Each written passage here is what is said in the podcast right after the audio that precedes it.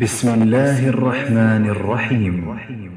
المملكة العربية السعودية وزارة التربية والتعليم الإدارة العامة للتربية الخاصة إدارة العلاقات العامة. تقدم.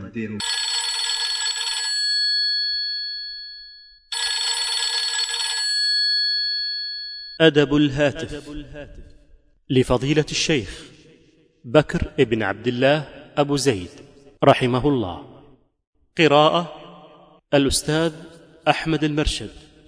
بسم الله الرحمن الرحيم. الحمد لله رب العالمين والصلاة والسلام على عبد الله ورسوله نبينا محمد وعلى آله وصحبه أجمعين.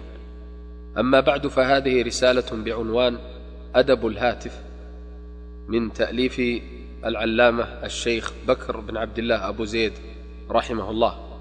ومن إصدار دار العاصمة بالرياض. قال رحمه الله الحمد لله والصلاة والسلام على رسول الله وعلى صحبه ومن اهتدى بهداه إلى يوم الدين. أما بعد فإن آداب الهاتف الشرعية مخرجة فقها على آداب الزيارة والاستئذان والكلام والحديث مع الآخرين في المقدار والزمان والمكان وجنس الكلام وصفته.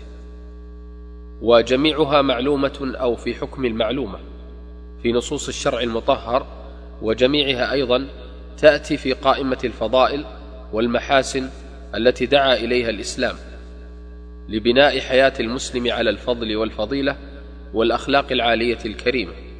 ثم جميعها مبني على الرفق واللطف والتأسي بنبي هذه الشريعة المباركة العظيمة صلى الله عليه وسلم. وقد ثبت عنه صلى الله عليه وسلم أنه قال إن الرفق لا يكون في شيء إلا زانة ولا ينزع من شيء إلا شانة. وثبت أيضا قوله صلى الله عليه وسلم من يحرم الرفق يحرم الخير كله. رواهما مسلم. وهي آداب مطلوبة من الطرفين المتصل والمتصل عليه. وإن كان بعضها في جانب المتصل آكد لأنه هو الطالب والطالب قريب من السائل غالبا ففي موقفه ضعف فليجبره بحسن الأدب. ومن هنا صار التحلي بهذه الآداب وأمثالها عمارة للمدينة الفاضلة في الإسلام مبنية على نشر الإخاء والتوادد وحسن التعامل وحفظ العهد ورعاية الأمانة وتنمية المصالح ودرء المفاسد. فحقا صارت هذه الآداب من مقاصد الإسلام. وإليك بيانها واحدا إثر واحد. وإن كانت في الجملة تختلف أحكامها باختلاف أحوال الناس وأزمانهم وأماكنهم وأقدارهم وقدراتهم. واللبيب الموفق يقدر الأمور في مجاريها الشرعية ويلتمس العذر لمن فاته شيء منها. إذ الناس ليسوا على مرتبة واحدة في التعقل والتعلم والذوق وحسن التصرف. والسعيد من إذا بصر تبصر وإذا ذكر تذكر. وهذا سياق جملة صالحة منها دعاني إلى تدوينها ثلاثة أمور. الأول لتكون تذكرة لي ولمن شاء الله من إخواني.